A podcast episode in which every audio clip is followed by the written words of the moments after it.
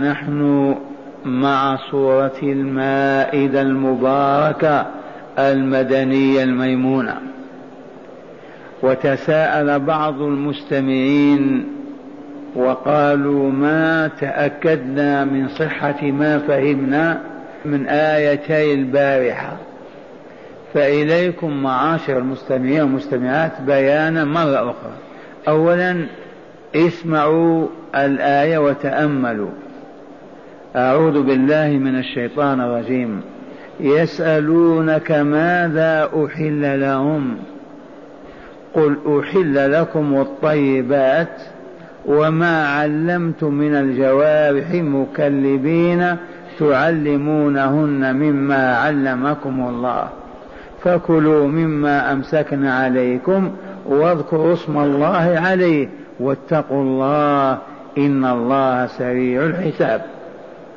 هذه الآية الكريمة أولى الآيتين بعض الأصحاب وعرفتم حاتم الطائي وزيد الخير سألا رسول الله صلى الله عليه وسلم عما أحل لهم مما ذكر تعالى في كتابه فأجابهم الله تعالى بقوله أحل لكم الطيبات. فكل طيب لذيذ ما فيه جراثيم ولا ميكروبات ولا تعفن ولا أذى فهو حلال. كل وسم الله تعالى.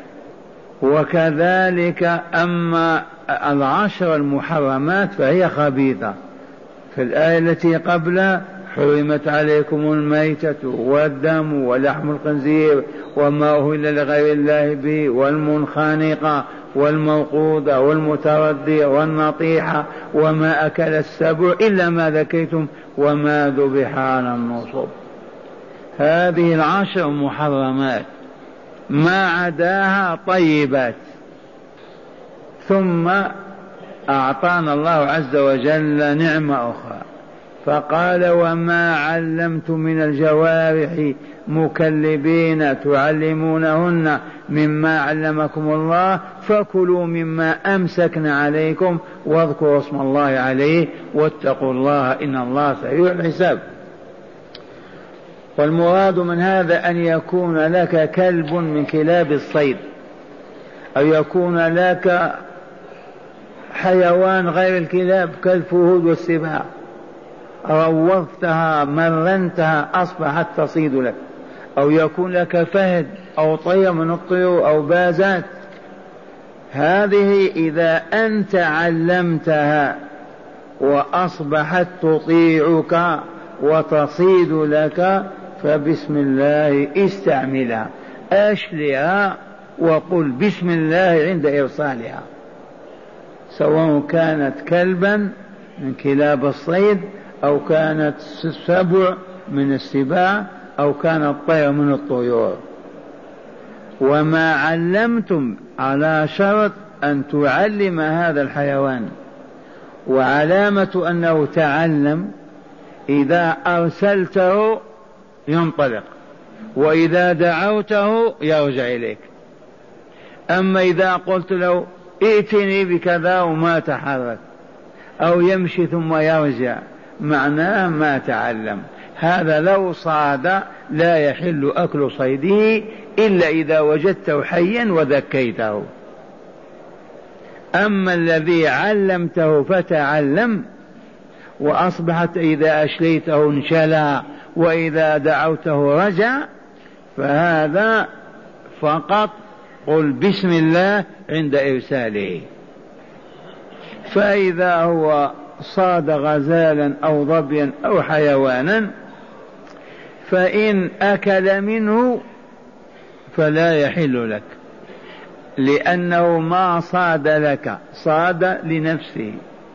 والله يقول مما أمسكنا عليكم لا عليهم هم. فإن فرضنا أنه أكل جرح هذه الغزالة إن أدركتها حية مستوفاة الحياة كما تقدم ذكيها وكل أما إذا أدركتها ماتت وقد أكل منها فهي جيفة منتنة لا تحل لك. مما أمسكنا عليكم. إذا خلاصة القول الذين تمرنوا على الصيد من رجالاتنا آلات الصيد ما هي أو أوضحها الكلاب المعدة لذلك. يقال في الكلب السلوقي نوع خاص. هذا الكلب السلوقي إذا علمته يوما بعد يوم شهر أصبح طوع يدك. إذا قلته اذهب ذهب. إذا قلت ائتي أتى. إذا قلت له قف وقف وهذا كله ممكن ووقع. هذا الذي علمته أصبح مكلبا معلما. إذا أرسلته على حيوان تريد صيده ينبغي أن تقول بسم الله اذهب. لا بد من ذكر اسم الله. فإذا كان معلما وسميت الله عز وجل ولم يأكل ذاك الحيوان. فإن أكله أو أكل منه صاده لنفسه ما هو لك أنت. فإن فرضنا وجدت الحياة مستقرة فيه وذكيته لك ذلك. فإن وجدته مات لا يحل أكله. أما إذا كان معلما وسميت الله تعالى وأرسلته فانطلق وأخذ الحيوان ولكن قاتل أو مات ضربه ضربة ولكن ما أكل منه أو صاده لك. هذا إن وجدته ميتا هو حلال لك. انتبهتم؟ وذلك لحديث الصحيحين يا راضي. يقول في الصحيحين في البخاري ومسلم إذا أرسلت كلبك المعلم فاذكر اسم الله عليه. عند الإرسال فإن أمسك عليك فأدركته حيا فاذبحه وإن أدركته قد قتل ولم يأكل من ولم يأكل منه فكله. فإن فإن فإن أخذ فإن أخذ الكلب ذكاء انتبهتم؟ مرة ثانية. يقول الحبيب صلى الله عليه وسلم معلما في البخاري ومسلم. يا راضي إذا أرسلت كلبك المعلم بالشرط هذا ولا؟ ثانيا فاذكر اسم الله عليه عند إرساله. فإن أمسك عليك لأنه إذا أمسك عليك يقف عنده أو يمسكه يبقى ينتظر فيك أو يحمل ويأتي به إليك. لكن إذا أمسك له عليه هو سوف يأخذ في أكله. فإن أدركت فإن أمسك عليك فأدركته حيا. ما تنتظر حتى يموت؟ تقول آكله ما يجوز. لأنك أدركته حيا فذكه. يجوز لو أدركته ميتا. وبالشروط الثلاثة فهو حلال. قال فأدركته حيا فاذبحه. وإن أدركته قد قتل. ولم يأكل منه فكله. أما إذا أكل منه معناه ما صاده ما هو معلم. فإن أخذ فإن فإن أخذ الكلب ذكاء إمساك الكلب له ذكاته. والآن فهم المستمعون هذه الحقيقة وإلا لا؟ اسمعوا الآية. يقول تعالى يسألونك ماذا أحل لهم؟ أجبهم يا رسولنا. قل أحل لكم الطيبات. الفواكه الخضر اللحوم كل الطيبات كل. لكن كل واذكر اسم الله واحمده في النهاية. ما هو مجانا. كل أكل لا بد وأن تستفتحه بسم الله وأن تختبه بحمد الله.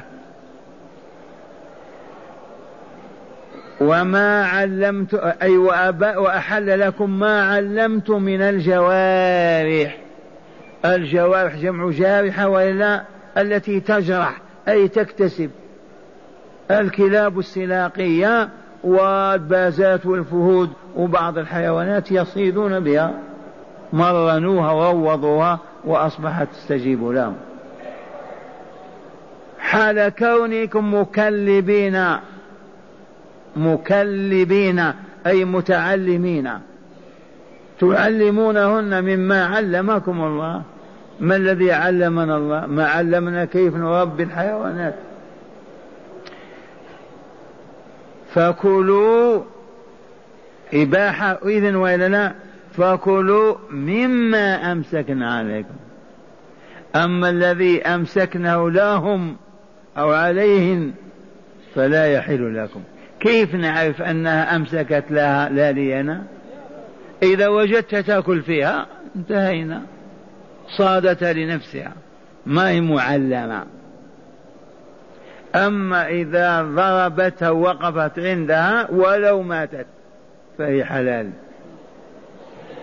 بإذن رسول الله بإذن الله عز وجل وإذن رسوله صلى الله عليه وسلم. فكلوا مما أمسكنا عليكم واذكروا اسم الله عليه. متى؟ عند إرسال الكلب أو إرسال الرصاصة أو إرسال الآلة التي تصيد بها. فإن أدركتها حيا أي ذاك الحيوان اذبحه. ما تقول أنا صدت وضربه الكلب مثلا اتركه يموت فإنه حلال. لا لا بد من تذكيته لأنه حي. لكن إن أدركته مات ماذا تصنع؟ كله. صيد الصيد له بسم الله أباحه وأذن الله فيه. وقوله تعالى واتقوا الله أي فيما أحل لكم وحرم عليكم. في هذه التعاليم الدقيقة راقبوا الله وأتوا به على الوجه المطلوب. فلا يحل لك أن تأكل حيوان إلا إذا توفرت شروط الإذن من الله عز وجل. أما الأربعة الأولى الميت والدم ولحم الخنزير وما ذبح لغير الله وذكر اسم اسم غير اسم الله هذه لا خلاف بالإجماع محرمة. يبقى الصيد له أهل ورجاله فالذي تعلم وتدرب وأصبح يعرف كيف يرسل الباز أو العقاب أو الفهد من الطيور وكيف يأتي له بالأرنب أو الطير. إذا علمه وأعرف وعرف أنه متعلم حينئذ يرسل يقول بسم الله ويرسله فإن وجده أكل مما صاده لا يحل أكله. فإن أدركه حيا كامل الحياة ذبحه وأكله. فإن أدركه ميتا ولم يقتله الصيد الكلب الذي صاده لم يتعمد قتله. يعني ما أكل منه فكله وإن وجدته ميتا. هذا ما دلت عليه الآية الأولى. وقراءتها كالتالي يسألونك ماذا أحل لهم؟ قل أحل لكم الطيبات وما علمتم من الجوارح مكلبين تعلمونهن مما علمكم الله فكلوا مما أمسكنا عليكم واذكروا اسم الله عليه. ثلاث شروط وإلا لا الحمد لله. الآية الثانية يقول تعالى اليوم آخر أيام الحياة النبوية في عرفة. اليوم أحل لكم الطيبات عموما.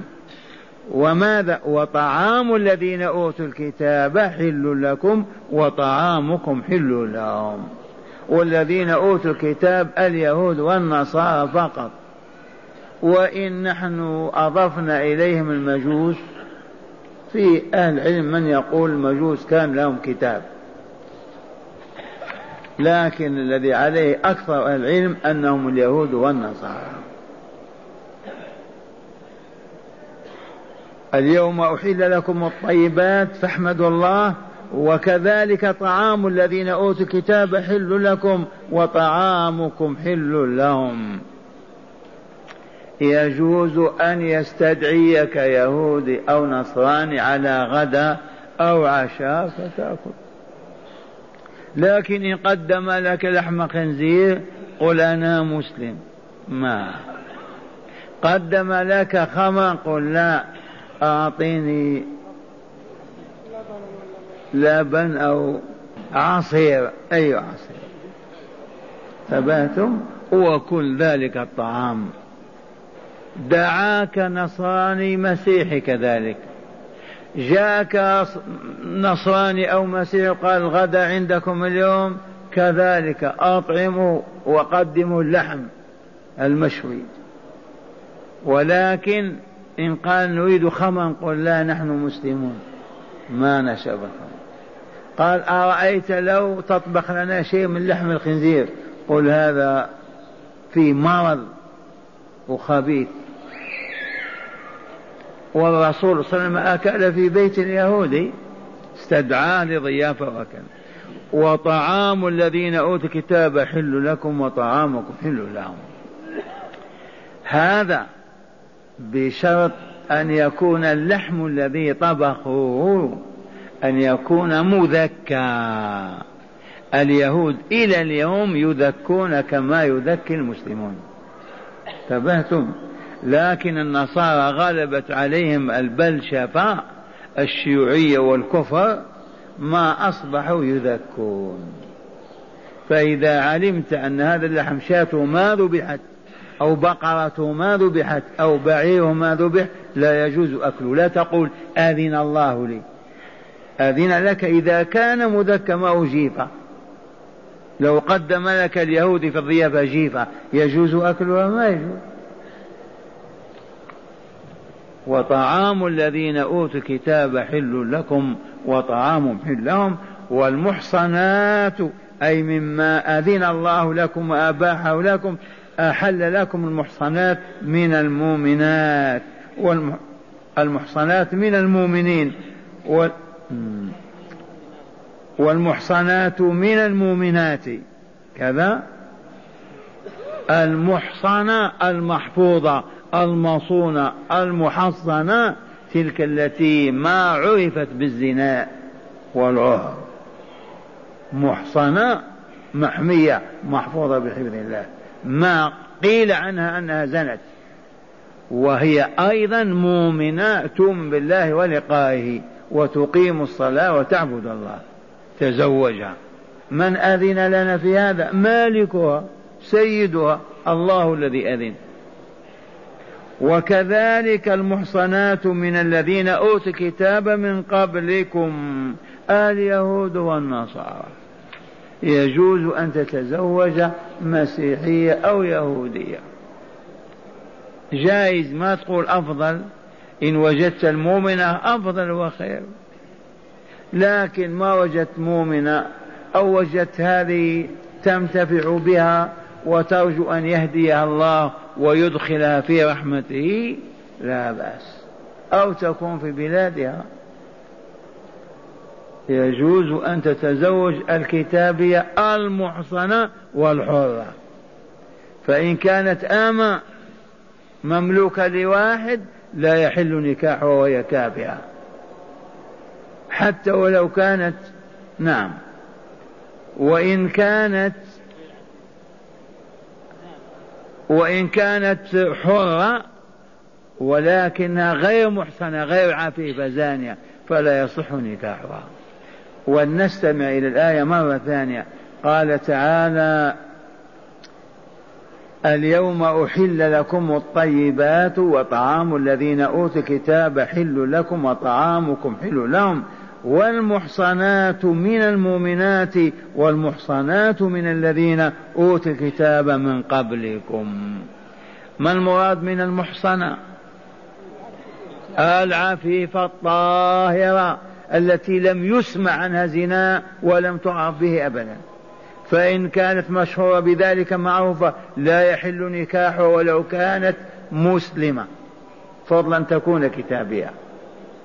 حتى تتوب يتوب الله عليها. ثم قال تعالى إذا آتيتموهن أجورهن محصنين غير مسافحين ولا متخذي أخدان اسمع يقول هذه الإباحة إذا أنت آتيتها مهرها. لا تتزوج مسلمة ولا كتابية بدون مهر. المهر لا بد منه. أركان النكاح أربعة. المهر ويسمى بالصداق. كذا. ثانيا الولي. ولي المرأة أبوها أخوها. القاضي بدل عنها. شيخ القبيلة إذا ما في هناك قاضي لا بد من ولي. ثانيا شاهدان عدلان. رابعا الصيغة أن تقول فلان زوجني وليتك أو فلانة يقول فلان زوجتك على كتاب الله والسنة. يقول قابلتها ورضيتها هذه الصيغة ركن من أركان النكاح. الآية ذكرت ماذا؟ وآتيتموهن أجورهن محصنين غير زنات. ما تأتي عارة تعطيها مليون ويتقول أنا ربي قال وآتوهن أجورهن. خذي الأجر. لا بد من القيد الأول حال كونكم محصنين. أعفاء غير زنات. لعل غامضة هذه. اسمع تعالى يقول إذا آتيتموهن أي النساء العفيفات وإلا المحصنات من المؤمنات وأهل الكتاب إذا آتيتموهن أجورهن حال كونكم أنتم محصنين غير زنات ما تأتي إلى امرأة وتعطيها ألف ريال وعشر وتزني بها قل أنا أعطيت أجرها. أنت ما أنت محسن في هذه الحال أنت زاني وعاهر. لا بد وأن تكون حال كونك محصنا. عفيفا طاهرا محصنين غير مسافحين والسفاح الزنا فالذي يأتي دور البغى في العالم ويزني ويعطيها المال يكفي هذا المال هذا لو أعطاها مليار ما يحل له نكاحها. لأنه زاني. محصنين غير مسافحين اولا ولا متخذ أخدان ثانية. المتخذ الأخدان رجل يظهر عفيف كذا ما يعب الفاحشة ويتخذ له خليلا من الصغار أو الكبار ويلازمه ويأتيها في الخفاء على أنها صديقته. هذه حرام ولا تحل. ما في فرق بين الزنا العلني وبين السري تبهتم لا تقول هذه تحبني وأحبها من كذا وكذا. ولا متخذي أخدان. وفي النساء ولا متخذات أخدان. أيهن كذلك؟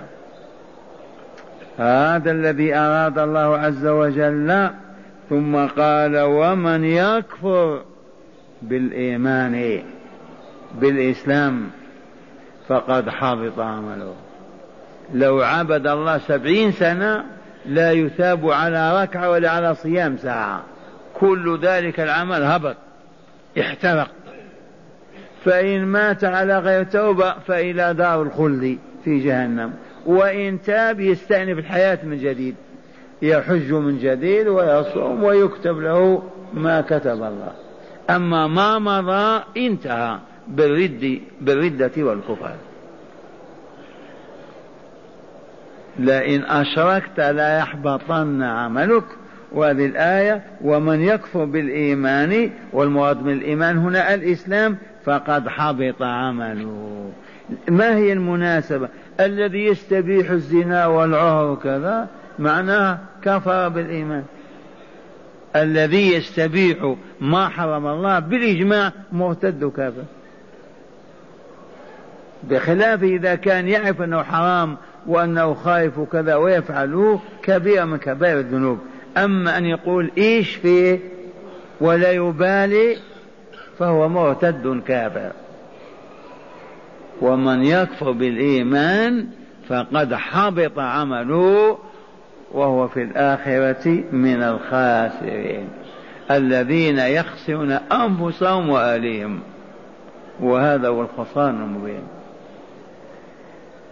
كيف ترون؟ أطرح الأسئلة.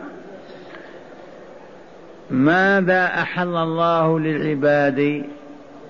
الطيبات؟ ما تردد. ما الدليل؟ قوله تعالى اليوم أحل لكم الطيبات.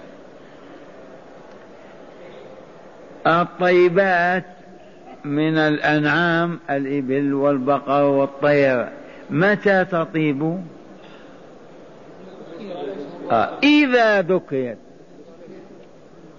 مهما كانت النعجة وإلى الكبش وإلى البقرة أو الصوت طيب لذيذ غير مريض ولا إذا لم يذك فهو خبيث وليس بطيب. الطيبات من الأنعام تلك التي ذكيت ذكاة شرعية. وما تقولون في ما يصيده الصائدون.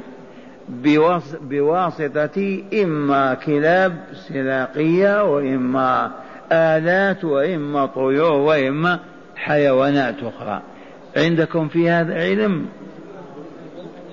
أولا أن يكون ذلك الكلب الذي تصل به معلما. وعلامة أنه معلم إذا أمرته فعل وإذا نهيته ترك. كذا شرط ثاني. أن تذكر اسم الله عند إرساله حتى الرصاصة بسم الله وترسلها. لا بد من اسم الله. فإن أعرضت عن اسم الله لا يحل ما صدته. الخلاف فقط فيما إذا نسي. أما يتعمد عدم ذكر اسم الله فوالله لا تحل بالإجماع. هنا الكلب أو الطير الذي أرسلته. ننظر هل أكل من ذلك ذلك الغزال أو تلك الظبية التي صادها أو لم يأكل. فإن وجدناه يأكل منها صادها لنا أو لنفسه يحل أكلها؟ الجواب لا. اللهم إلا أدركنا الحياة فيها تمنع وذبحناها مثل حرمت إلى ما ذكيتم. انتبهتم؟ أما إذا ما أكل منها وجدناها ميتة بضربته فهي حلال. وإن وجدتها حية تقول خليها تموت لأنها لا بد وأن تذكيها. مسألة ثانية طعام الذين أوتوا الكتاب اليهود والنصارى. يجوز الأكل معهم وعندهم ما يجوز؟ يجوز أن تطعمهم أنت وتسقيهم يجوز. لكن لو قدموا لك جيفة ما يجوز لو قدموا لك لحم خنزير ما لو قدموا لك خمرا ما فالطعام الطيب الذي تأكله معهم ما لم يكن محرما لا خنزير ولا جيفا ولا خمر ننتقل الآن إلى آية أخرى. يا أيها الذين آمنوا لبيك اللهم لبيك. نادانا نحن. إي والله. مؤمنون ولا لا؟ اذا لبيك اللهم لبيك. مر. نفعل. إنهى. نترك. هذا استعداد المؤمنين لحياتهم الكاملة. أياما آمنتم بالله ربا وبمحمد رسولا وبالإسلام دينا. أيها الأحياء. يأمركم ربكم فيقول إذا قمتم إلى الصلاة. أي إذا أردتم أن تدخلوا في الصلاة. تبهتم ماذا تفعلون؟ قال توضأوا. وبين لنا كيف الوضوء؟ ومعلوم أن الوضوء وهو الطهارة شرط في صحة الصلاة. فريضة كانت أو نافلة. فلا تصح صلاة بدون طهور. أبدا. ثم إلى الصلاة. تريدون أن تصلوا فريضة أو نافلة. فماذا تفعلون؟ قال فاغسلوا وجوهكم. فذكر أركان الوضوء وهي غسل الوجه وغسل اليدين إلى المرفقين ومسح الرأس وغسل الرجلين. أربعة. والنية لا بد منها ما أنت تلعب وتعبث.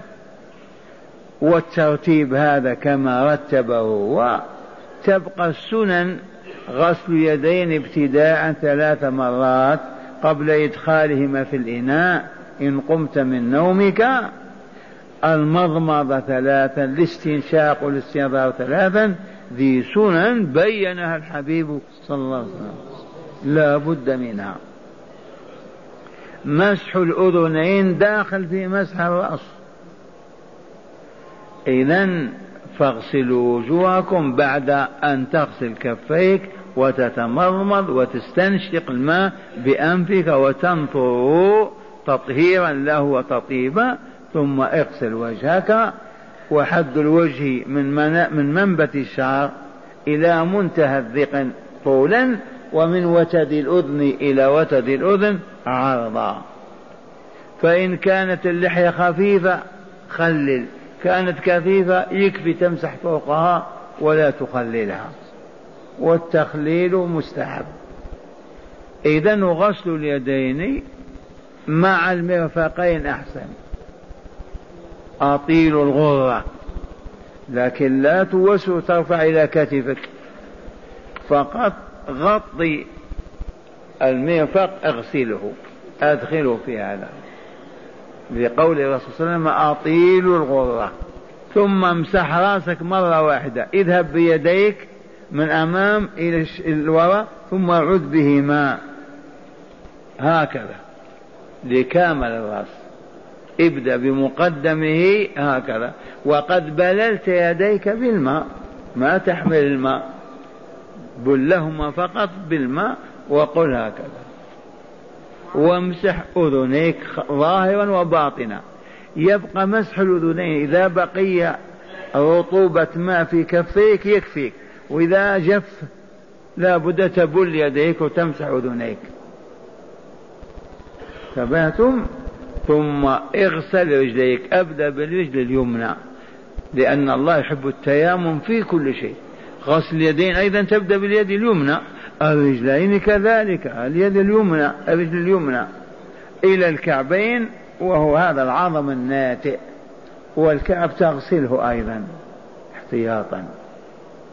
هل تخلل أصابع رجليك؟ أفضل تخللهم. هذا هو الوضوء. سواء لفريضة أو لنافلة أو للطواف أو لقراءة مس المصحف. لا بد من هذه النية. هناك جائزة الحمد لله. تخلي أصابع اليدين ضروري لا بد منه.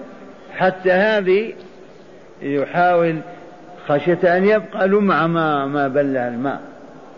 أقول الجائزة العظمى وهي إذا فرغت من الوضوء على هذه الطريقة ترفع رأسك إلى السماء وإن كنت تحت سقف وتقول أشهد أن لا إله إلا الله وحده لا شريك له وأشهد أن محمدا عبده ورسوله.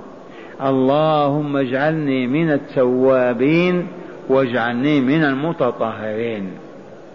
فإن الجائزة أن تفتح لك أبواب الجنة الثمانية لو كنت عندها دخلت. ما وصلت عندها انفتحت وتنغلق كالأبواب التي تفتح بالكهرباء. إذا قربت من الباب ينفتح. ما دخلت يرجع يغلق. الحمد لله كشف الله لنا عن عجائب. وإلا كنا كيف فتحت له أبواب الجنة ثمانية؟ الآن عرفنا بمجرد العبد المؤمن الموحد يرفع رأسه يشهد هذه الشهادة الحق وهو لا يخالفها بقلبه ولا بسلوكه ويشهد أبواب الجنة تنفتح. كان عند الباب دخل ما زال حتى يموت يغلق الباب. هذه الجائزة ما ننساها.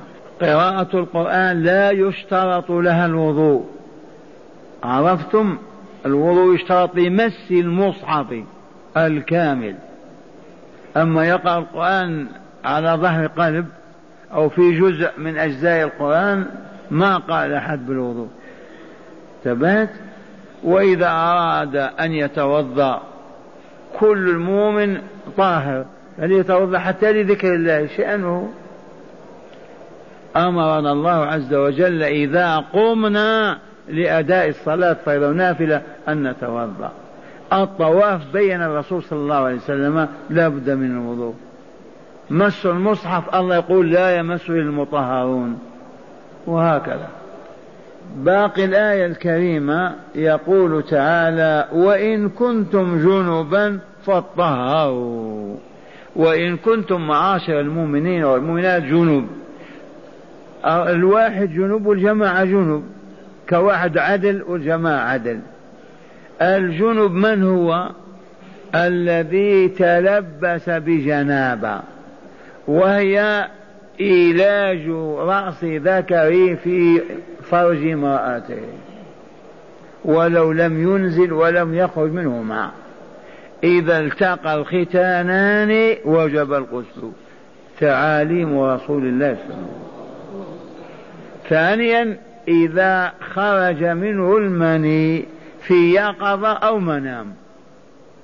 من أفرز تلك المادة البيضاء الثخينة بلذة في منامه أو في يقظته هو جنب. يجب أن يغتسل. وإن كان نائما في المسجد واحتلم يجب أن يخرج. يغتسل ويرجع. هذا هو الجنوب. إذا أولج أدخل رأس ذكر في فرج امرأته وإن لم يمني فقد وجب الغسل. لقول الرسول صلى الله عليه وسلم إذا التقى الختانان أي موضع الختانين فقد وجب الغسل. ثانيا أن يفرز مادة المني بلذة سواء بتفكر أو بلمس أو بكذا أو في منامه رأى نفسه يجامع أو ما رأى إذا أفرز المني وجب الغسل. بلا تردد. هذا معنى الجنوب. وإن كنتم جنوب ماذا عليكم؟ فالطهروا أي فتطهروا فأدغمت التاء فالطهروا أي اغتسلوا. كيف نغتسل؟ الغسل الحق الصحيح الذي ما نعدل عنه الذي علمناه رسول الله صلى الله عليه وسلم.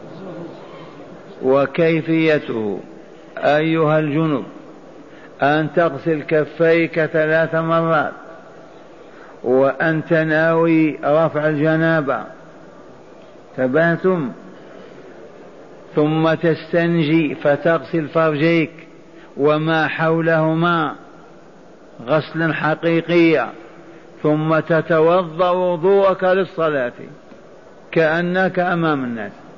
فرغت من الوضوء أغمس يديك في الماء وخلل أصول شعرك ليستأنس بالماء ولا تصاب بالزكام.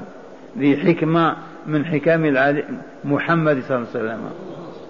فإذا خللت شعرك تباتم خذ غرفة بكفيك ضح على يمين رأسك واغسل رأسك كله. زيد الثانية بكفيك وحطها على الجهة اليسرى واغسل كامل الرأس. خذ الثالث حطها في الوسط واغسل رأسك مع أذنيك ظاهرا وباطنا. ثلاث مرات. فإذا غسلت رأسك مع أذنيك حينئذ اغسل شقك الأيمن من رقبتك وأنت تغسل إلى كعبك. هذه الجهة الأولى. الجهة الثانية اليسرى بعدها. من عنقك إلى كعبك. وتعاهد مغابن الماء. تحت الإبط إذا ما تتعاهد ما ينبل. تحت الركبة إذا ما تمد رجلك ما ينبل. الصورة إذا كان فيها تجاعيد إذا لم تتبع ما تنبل. لأنك مأمور أن تغسل كل جسمك ما تبقى لمعة. تبات والظهر بيديك وإذا ما تمكن صب الماء حتى تطمئن إلى أن الماء قد عم جسمك. هذا هو الغسل. هذا الذي أراد الله تعالى. وإن كنتم جنبا ماذا تفعلون؟ فالطهر. رجالا ونساء. المرأة إذا عندها ضفائر الشعر ما تحل ضفائرها تجمعها فقط وتصب الماء وتخلخلها رحمة بها قد يؤذيها ذاك الفتح والبرم مرة ثانية. هذا هو الغسل من الجنابة وغسل الجمعة هكذا وغسل الإحرام هكذا وغسل دخول مكة هكذا. إلا وغسل العيد هكذا إلا أن النية تختلف. غسل الجمعة سنة غسل الإحرام كذلك لكن غسل الجنابة واجب. من أراد أن يغسل بالصابون والليف أولا يغتسل الغسل واجب بعد يغسل بالصابون. هذا أحوط له. وإذا خاف الماء ما ينفد يغسل بالصابون وبعد ذلك يغسل بالماء. غسل الميت هكذا إن أمكن. ويجوز الغسل بالنية أن تغسل جسمك كاملا وبعد ذلك تتوضأ. يجزئك. لكن الطريقة الأولى هي السنة النبوية